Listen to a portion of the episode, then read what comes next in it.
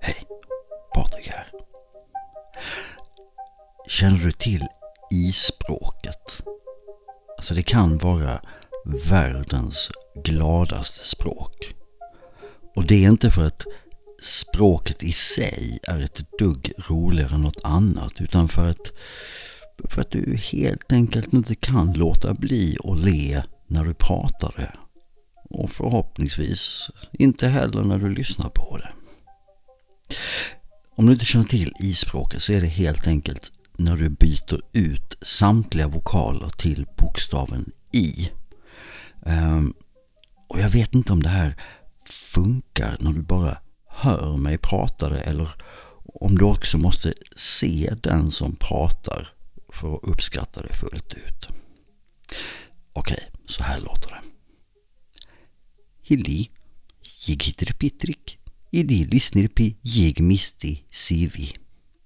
Gisni jag ett priti ispriket med di i hippis itiken fedi i drilite på smilbinden. Imje inte firdi elise krivsti intigligen ett visuellt medium ixi.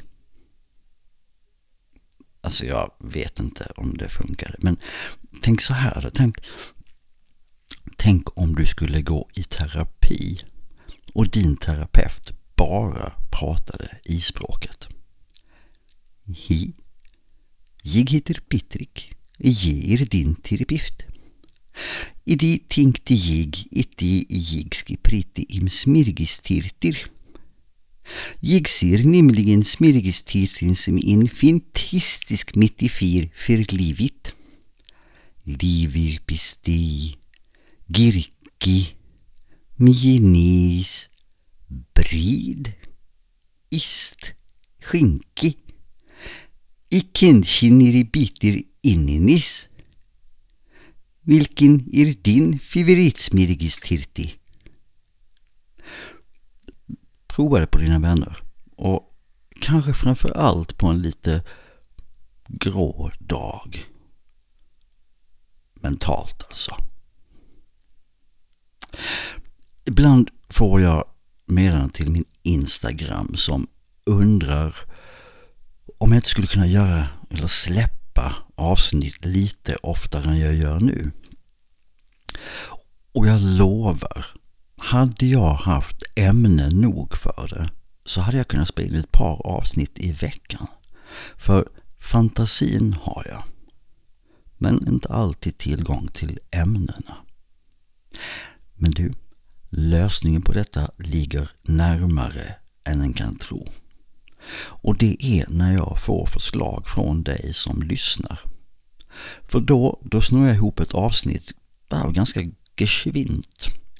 Eh, Okej, okay, ibland så får jag lite knepiga ämnen som ärtsoppa, pubishår för eller emot, hur man gjuter en trappa, varför man har fel om man inte gillar korv med bröd som skickas till mig. Och de är svårare än andra att fylla med något intelligent kan jag säga. Jag ska inte säga att de är omöjliga för att hittills har jag ju faktiskt lyckats berätta historier om dammsugare, höga byggnader, växters historia, tysk grammatik och en, ja, en del annat halvmärkligt. Och allting förslag på ämnen från några av er som lyssnar. Men när jag får förslag på ämnen som är lite mer allmänmänskliga så då spinner min fantasi och mina minnen från livet igång i princip direkt. Har du lust att hjälpa mig? För hjälper du mig så hjälper du indirekt dig själv till fler avsnitt. Du hittar en länk till min Instagram i avsnittsbeskrivningen eller så sök på mitt namn Patrik Karlsson och det är Karlsson med ett S. Det är superviktigt. Jätteviktigt! En sån här förfrågan på ispråket skulle kunna låta så här. Jag skulle bli si irhirt glid i tixim, im de vill skicka för slig på imnin för mig it pritti im. De hittar en länk till min Instagram i avsnittsbeskrivningen. Tick! Okej, om du tycker det var lök med ispråket så lovar jag, det blir inte mer ispråk i det här avsnittet. Och tyckte du det var kul så prova det själv på någon. Prova det på dig själv.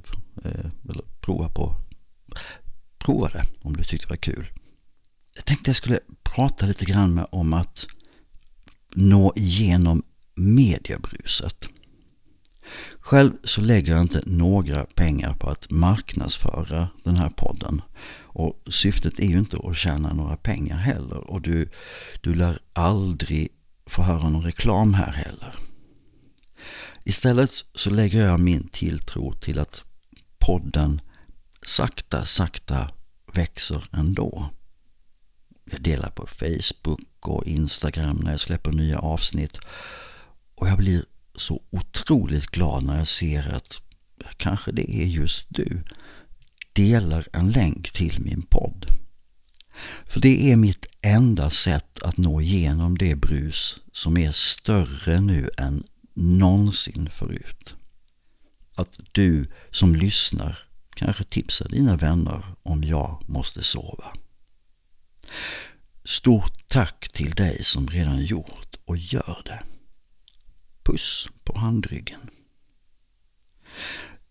Men tänk allt viktigt som försvinner i bruset. Allt det där som faktiskt är viktigt på riktigt. Som drunknar och försvinner i floden av allt. Alltså den här enorma floden av allt det där som inte är ett smack viktigt. Och då är det tur om en har bra vänner som kan tipsa en om vad man borde läsa, lyssna på eller titta på. Som, som att min granne tipsade om en dokumentärserie på SVT som heter H2O. En skitviktig och underhållande serie om vår planets viktigaste molekyl, H2O. För hade inte min granne tipsat om den så hade den gått mig spårlöst förbi till fördel för någonting annat betydligt mer lättsmält och mycket oviktigare. Varför prata om det här bruset? Jo, för jag kommer att tänka på en, en bok som jag fick en gång av Riksteatern som handlar om marknadsföring. Och det jag ska försöka minnas och berätta om nu det är en bok som kom för väldigt många år sedan. Så du kan räkna med att du kan addera rejält till allting som har med siffror att göra. Den här boken, som jag inte minns vad den heter, handlar om svårigheten att nå ut med sin marknadsföring om sin alldeles fantastiska teaterföreställning. Och den gör då en beskrivning i antalet intryck vi tar emot per dag. Och nu ett, en hel massa år senare så måste det här vara ännu, ännu fler intryck per dag. Nå. Liknelsen utspelar sig i Göteborg i nutid och på 1800-talet. Och då skrev de någonting i stil med att en människa på 1800-talet ja, de var ju nog mer specifika än ett helt århundrade men en människa på 1800-talet tog emot lika många intryck under en hel livstid som en modern person tar emot på en promenad mellan Järntorget och Götaplatsen i Göteborg. Sug på den karamellen lika många intryck under en hel livstid som en modern människa på promenad från Järntorget till Götaplatsen. Och Och så går de vidare. Någonting i stil med, siffrorna har jag inte helt koll på, men den nutida människan exponeras varje dag för ungefär 250 olika reklamerbjudanden. Och eftersom den här boken är skriven i internets barndom eller kanske till och med tidigare så utgår jag från att den här siffran är flera gånger högre idag. Men vi håller oss till deras siffra. 250 reklamerbjudanden varje dag. Och av dessa så registrerar vi inte ens 200 av dem, eller till och med drygt 200 av dem. Och av de resterande 40 så avfärdar vi cirka 30 som irrelevanta. Och de återstående 8-10 reklamerbjudanden gör vi en väldigt snabb bedömning kring och endast ett till kanske två får oss agera. Och som tillägg, det här är mitt lilla tillägg. Det är inte boken som skriver om detta, för det hade varit omöjligt, för det hade inte de kunnat veta. Idag säger marknadsförare att den som vill nå ut med ett budskap i exempelvis sociala medier har ungefär tre sekunder på sig att fånga den presumtiva kundens uppmärksamhet. Så med allt detta sagt, jag är sjukt tacksam. Inte bara över att du har hittat hit, men också över att du fortsätter lyssna. Och härmed förklarar jag avsnitt 17 officiellt öppnat. Här där jag är just nu så är det sommar. Och just nu så regnar det mycket. Och jag, jag vet ju såklart att vi behöver det. Vi behöver regnet. Men jag kan inte låta bli att egoistiskt tänka att jag hellre skulle vilja ligga under parasollet och njuta av ljuset och värmen. Men regn och mörker har vi så förbannat mycket av resten av året i det här landet. Och tänker man lite på det så egentligen spelar det ingen roll vad jag vill eller ej. Jag menar, hur egoistisk jag än är i tanken så, så gör ju vädret ändå som det vill. Och framförallt på sommaren så verkar det vara tufft att vara meteorolog. Då sätter de bara mellan 40 till 55 procent av sina prognoser. Det blir lite grann som att köra upp ett finger i luften och gissa. Jag, jag, läste, jag läste för en massa år sedan en grej i tidningen som jag antingen måste ha läst fel eller så har siffrorna förändrats radikalt. För i den här artikeln, så som jag minns den, så stod det att för att vara en godkänd meteorolog ska du ha rätt på tre av tio av dina prognoser. Det måste vara det lägsta, den lägsta procent man kan ha i ett yrke. Tänk en busschaufför. Ja du Benny, hur gick det idag? Hur många busshållplatser lyckades du sätta? Ja, jag satte faktiskt fyra av tio så att det är övergodkänt. Ja, men det är ju fantastiskt. Ja, visst är det. Eller tänk dig en kirurg. Ja du, läkare Borgström, hur gick det då? Jo då, jag höll mig precis inom ramen. Tre av tio patienter överlevde. Va? Så komplicerat är det alltså att vara meteorolog. Det här med den svenska sommaren förresten. Jag kan fortfarande höra min mors röst från när jag var liten och det var fint väder på sommaren. Patrik, du kan inte sitta inne när det är så fint väder ute. Gå ut med dig nu. Och det där tvingande uttrycket, det följde mig länge i livet. Och kanske följde det mig ända tills jag bodde i Madrid, där det kan bli över 40 grader och inte ett moln på himlen under flera veckor i rad på sommaren.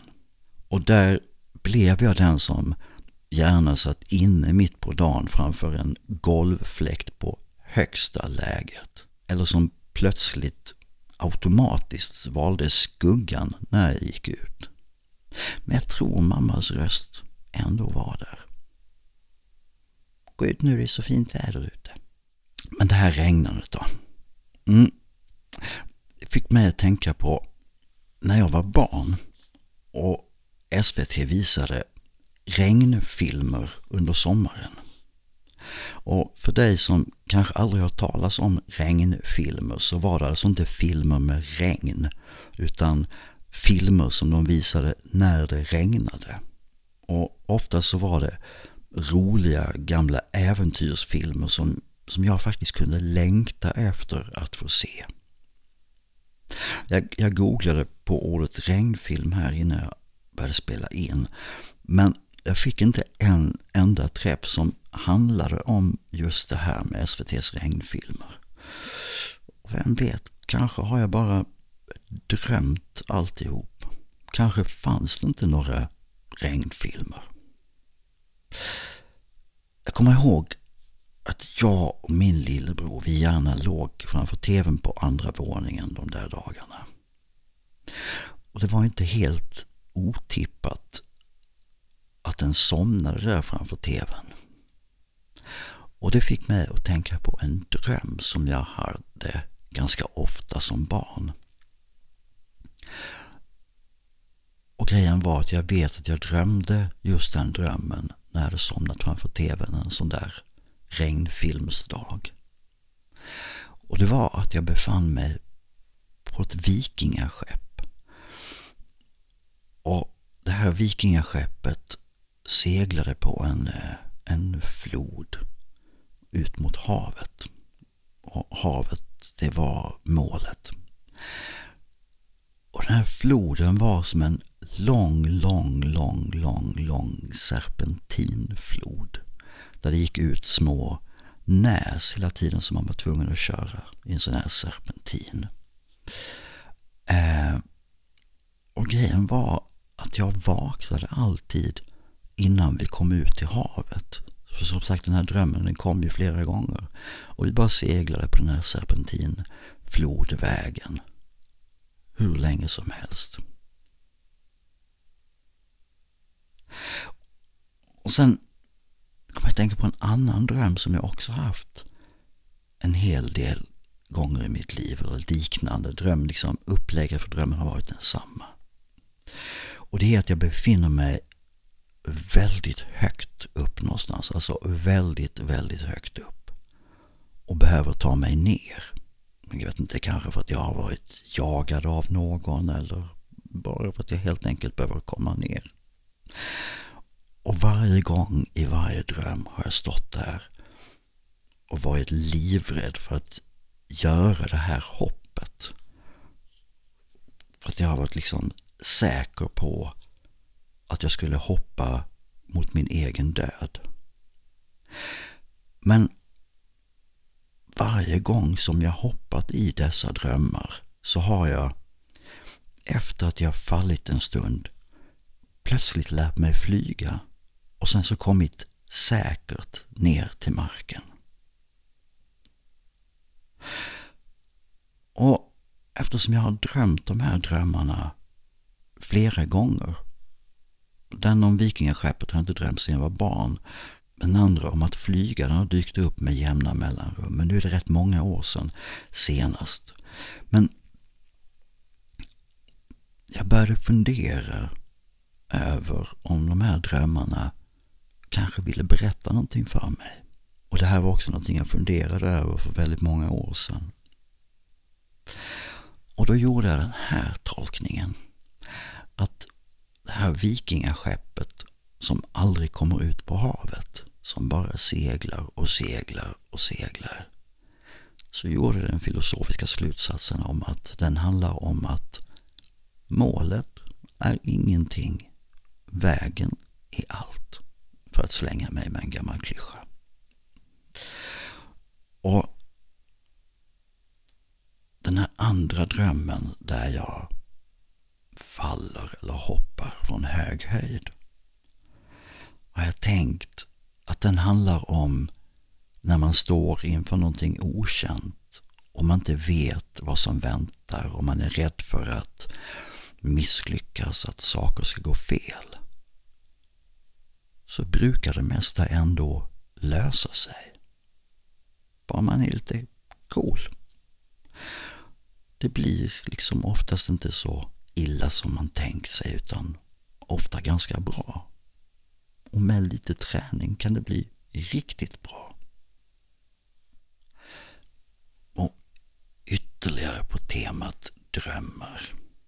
Hur berättar man om en dröm? Alltså inte en dröm man drömt på natten utan om någonting man längtar efter, någonting man drömmer om ska kunna bli verklighet i framtiden.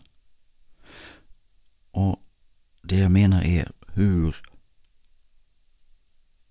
berättar jag om den drömmen så att andra som inte alls har samma passion eller samma dröm ändå kan förstå den. Åtminstone lite. Med den frågan ställd så är det så här. Jag har en dröm. En dröm om att äga en mindre gård. Gärna lite så här halvisolerat. Där jag kan gå ut naken på morgonen utan att någon överhuvudtaget ser mig. Och den här gården, boningshuset har jag inte tänkt så mycket på. Men den här gården så vill jag att det ska finnas en liten ekonomibyggnad. En gammal lada eller ett stall eller ett stort gammalt garage eller någonting. Och i det här, vi kallar den för ekonomibyggnad så får det täcka in allting. I den här ekonomibyggnaden så skulle jag först se till att isolera den så att jag kan vara där ute även på vintrarna. Och i en del av den så skulle jag, om där finns så att säga en andra våning, så skulle jag ta bort golvet på andra våningen på en del och sätta in stora takfönster. Och i den delen skulle jag inreda en ateljé Det är så här jag har det helt okej okay nu när jag står här och målar. Men jag känner ändå det här att jag behöver städa undan när jag är klar. Jag får vara rädd om golv och väggar och allting här inne så inte det kommer färg och sånt där. Så jag skulle vilja ha den där platsen som inte är så känslig på sånt. Där jag kan komma in och vara igång jättesnabbt och ha vad jag tror ett alldeles fantastiskt ljus som gör att jag, att jag tydligare ser vad jag målar. Det är inte så att jag är blind på något sätt men dagsljuset är bättre än elektriskt ljus.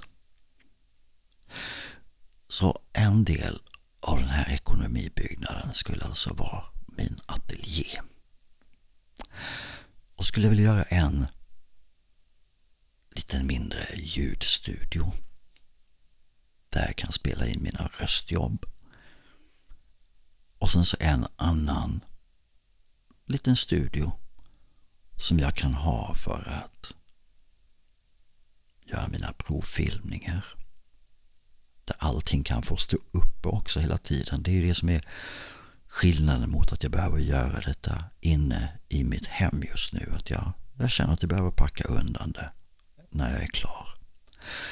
Men att ha det här rummet där lamporna kan stå uppe, där kameran kan stå uppe och allting bara är redo att tuta och köra. Och det handlar egentligen om två saker inser jag. Det ena är då att slippa städa undan och även packa upp varje gång jag ska göra det. Men också för att förkorta startsträckan. För när impulsen kommer, när eh, ja vad heter nu det då?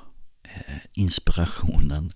Eh, snabb parentes på just inspiration. Inspiration kommer inte till en. Inspirationen får man jaga fram.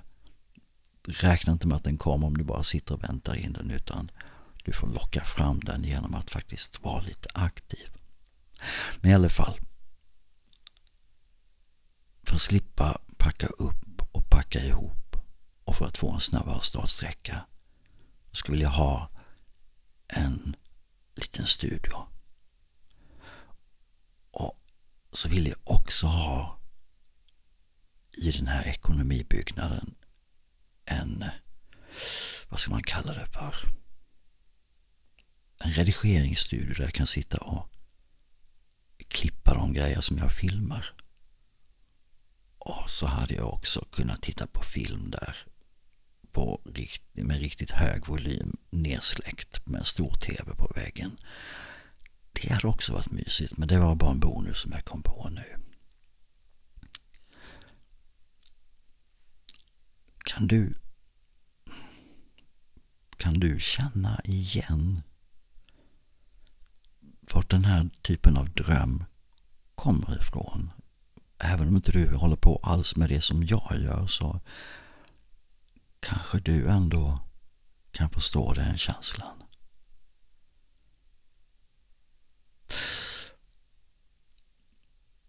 Jag vet inte hur bra jag lyckades nå igenom men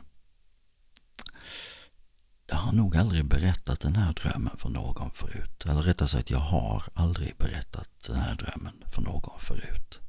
Förutom det här att ha ett ställe där jag kan gå ut naken på morgonen. Det har jag berättat för andra, men inte om den här ekonomibyggnaden. Så vad stoppar mig då?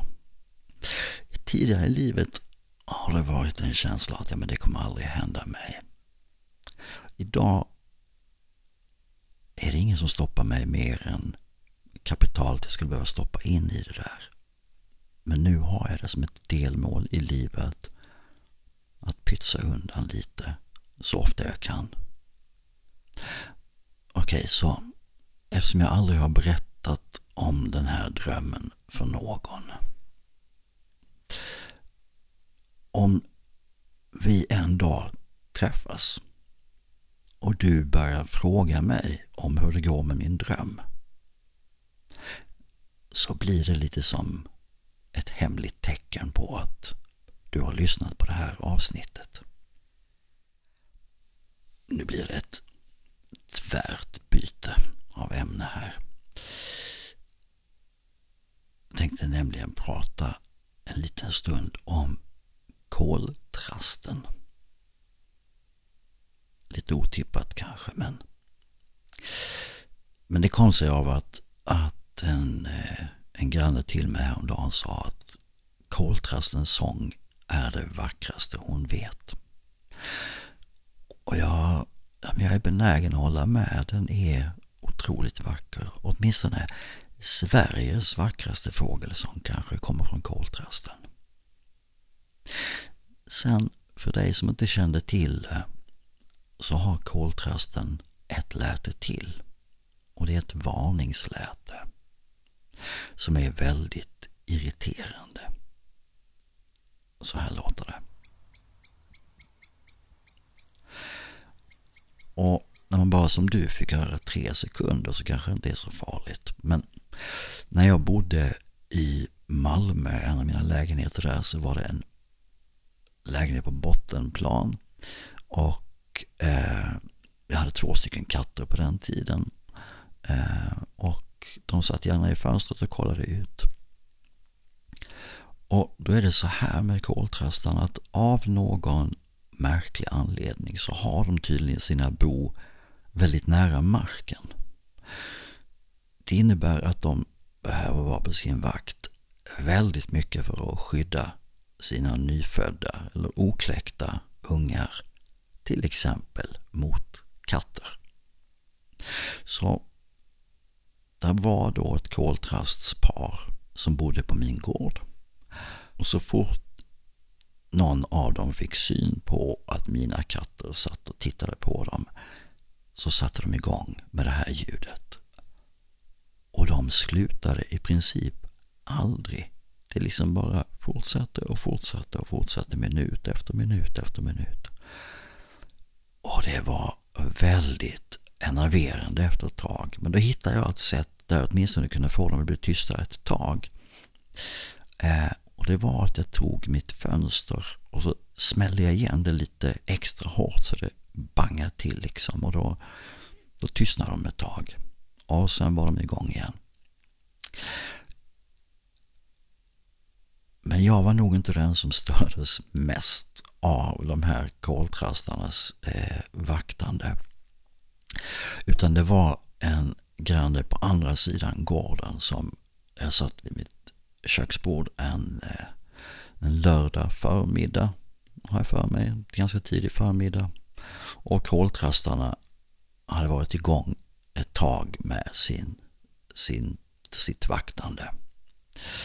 Och då kommer det ut en kille ur porten mitt emot. Eh, endast iklädd kalsonger. Alltså endast iklädd kalsonger. Och håret stod på alla håll och kanter. Och så gick han fram, vi hade ett rätt så nyplanterat träd som var ganska tunt i stammen. Och så gick han fram till det och så skakade han trädet hårt och så, så bara skrek han Men för helvete! Och sen så gick han in igen. Och koltrastarna fortsatte såklart. Ja, men vi kan väl minnas koltrastarna för deras vackra sång istället för när de faktiskt bara försvarar sig själva. Då låter det så här.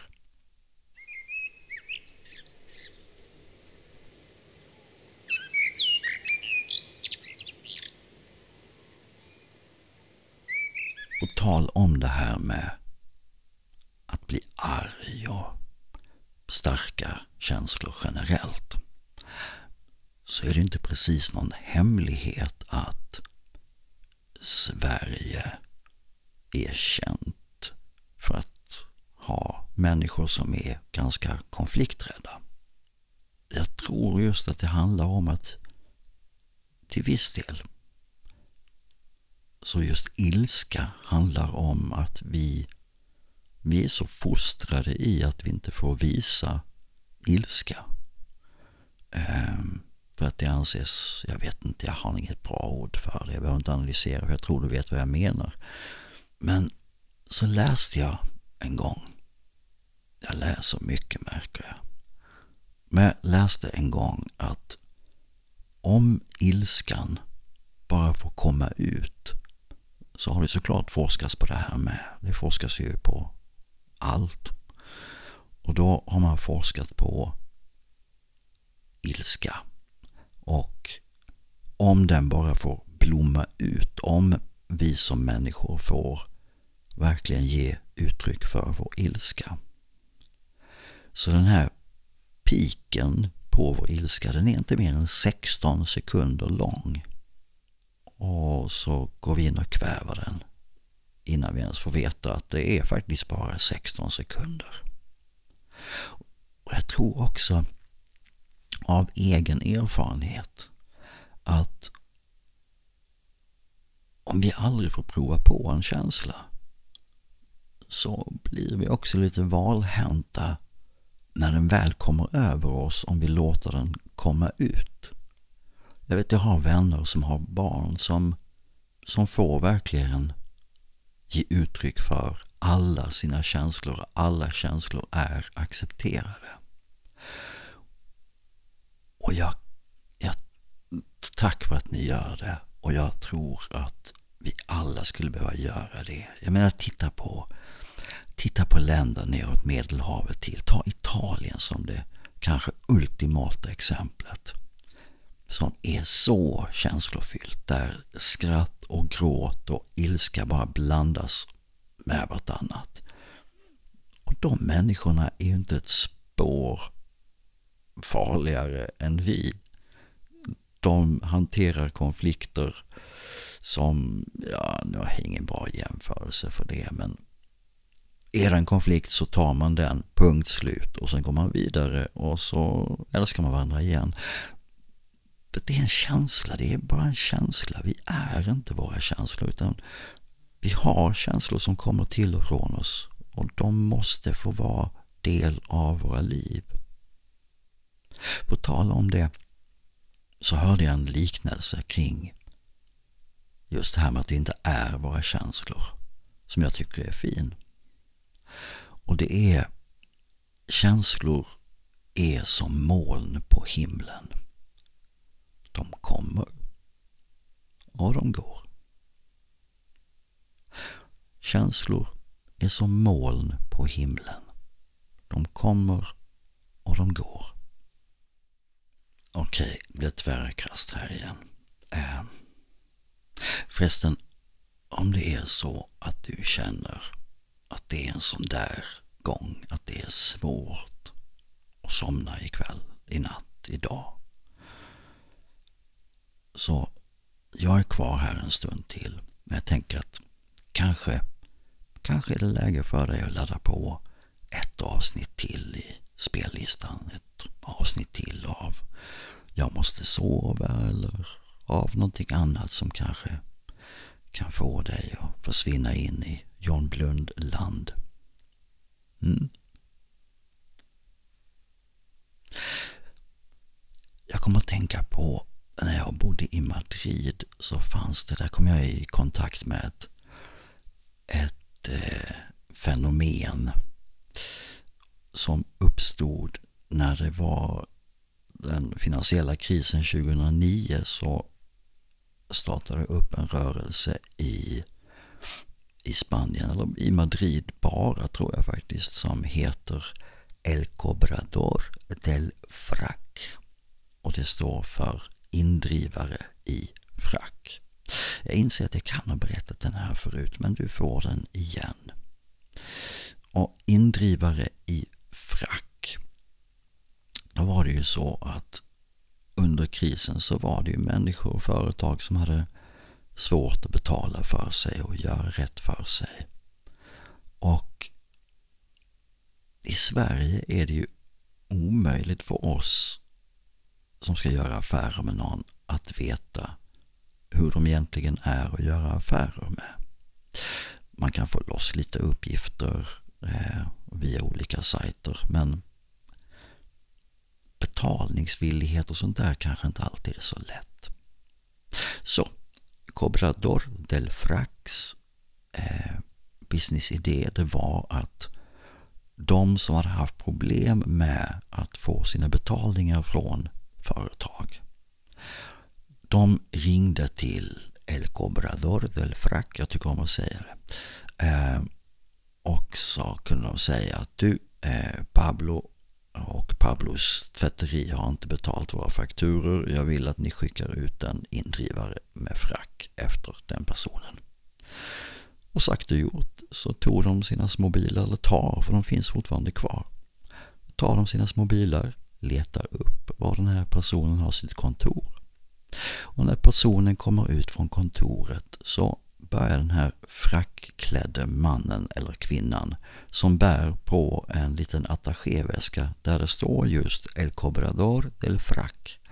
Då börjar den här människan att gå efter Pedro eller Pablo eller vad jag nu sa för namn.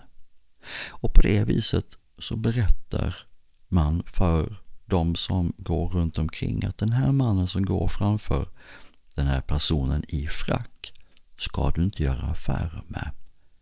För den personen betalar inte sina räkningar. Eller det företaget betalar inte sina räkningar. Jag tycker det är en rätt intressant idé. Men jag tror inte den hade gått att genomföra i Sverige. Jag tror det hade blivit mycket, mycket tankar om att folk skulle känna sig kränkta av att bli förföljda av en människa som berättar att den som går framför dem inte gör rätt för sig. Jag vet inte, rätt eller fel. Nå. Nu tänker jag att det här nog blir detta avsnitts sista ämne som jag pratar om. Och det här är ett ämne som jag fick föreslaget av Johan för ett par, tre veckor sedan och som jag inte har tagit tag i förrän nu. Och Johan han lekte med titeln på podden som ju är Jag måste sova och gjorde om det till en fråga. Måste jag sova? Och då googlade jag lite och då hittade jag den här artikeln på essä. Eh, och jag tänkte jag skulle läsa från den. Inte, eh, kanske inte alltihopa men vill du läsa den artikeln så lägger jag en länk i avsnittsbeskrivningen till den. Varför är det så viktigt att sova? Sömnen behövs för att kroppen och hjärnan ska få vila, återhämta sig och bearbeta intryck. Vi bearbetar känslor och upplevelser vilket gör oss redo att tackla nästa dags utmaningar. När vi sover stärks minnet och hjärnan rensas från skadliga ämnen. Om du står inför ett problem är det bra att sova. För sömnen hjälper dig att kartlägga problemet och hitta lösningen. Om vi sover dåligt under lång tid försämras minnet vilket gör det svårare att lära sig nya saker och komma ihåg det vi har lärt oss. Utan sömn kan hjärnan inte rensa bort skräpet som ackumuleras under dagen och det gör att hjärncellerna kan skadas. Så här säger vi ser sömnforskare, eh, nej, forskaren Christian Benedikt som är forskare på institutionen för neurovetenskap vid Uppsala universitet säger så här. Om du inte sover eller vaknar ofta under natten så försämras denna tvättprocess otroligt. På lång sikt förstörs hjärnan och risken att utveckla hjärnsjukdomar som Alzheimers ökar markant.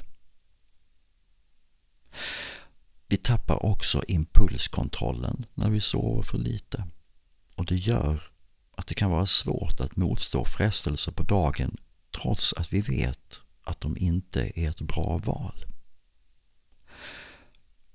Och så fortsätter Benedikt så här. Man tappar förmågan att trycka ner impulsiva känslor.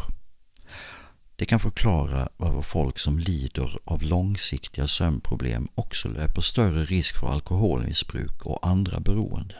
Dåliga sömnvanor kan också påverka risken för att utveckla övervikt eftersom personer med sömnbrist väljer större portioner än efter en natts normal sömn. Dessutom frisätts ett hormon som gör att aptiten ökar och signalerar att vi ska äta mer. Jag hoppar lite längre fram till rubriken Hur mycket måste vi sova? 7 till 8 timmar per natt bör vi sova. Men det är inte bara antalet timmar som spelar roll, menar Benedikt. När vi sover går vi igenom olika faser som är viktiga för olika funktioner. När vi lagt oss och slappnar av sjunker vakenhetsgraden och vi somnar och sover först ytligt. Den här fasen är viktig för vårt motoriska minne som till exempel när vi lär oss cykla eller åka skidor. Efter det går vi in i djupsömnen som bland annat är viktig för minnen som du kan beskriva med dina egna ord. Till sist kommer drömsömnen, det som kallas REM-sömn. Det är den period då den främre delen av hjärnan får vila och återhämta sig och då bearbetar du känslor och upplevelser du haft under dagen. Det var vad Benedikt han sa och så skriver han också här. Undvik kaffe och alkohol innan du ska gå och lägga dig. Och att det är bra att lägga sig vid samma tid varje kväll. Och visst, allt det här är ju väldigt bra. Men kanske inte så lätt alla gånger. Så om du frågar mig som inte är någon forskare i neurovetenskap utan bara är människa så måste jag sova. Ja, men det måste du ju. Eller det måste vi ju. Annars så blir det ju knas. När jag var yngre så kunde jag vara uppe hur länge som helst. Och jag visste också om att en hel del gånger så var jag uppe och sköt sömnen framför mig medvetet för att jag inte ville att nästa dag skulle starta. Eftersom varje dag startade med en viss portion ångest. En ångest över att prestera. Att, att vara som andra människor som det verkade för mig utifrån. Att gå upp i tid på morgonen. Att prestera. När jag var yngre hoppades jag också alltid att jag skulle bli en morgonmänniska. Och att om det var någonting jag hade kunnat ändra med mig själv skulle det vara att jag hade varit en morgonmänniska istället för en nattmänniska. Och jag vet inte i vilken utsträckning jag var en nattmänniska eller om jag var en människa som höll mig vaken in på nätterna. Nu har jag kommit till en plats i livet där jag gärna går och lägger mig i min värld förhållandevis tidigt. För att jag längtar efter att nästa dag ska börja. Jag längtar efter att få utforska vad nästa dag innebär. Godnatt.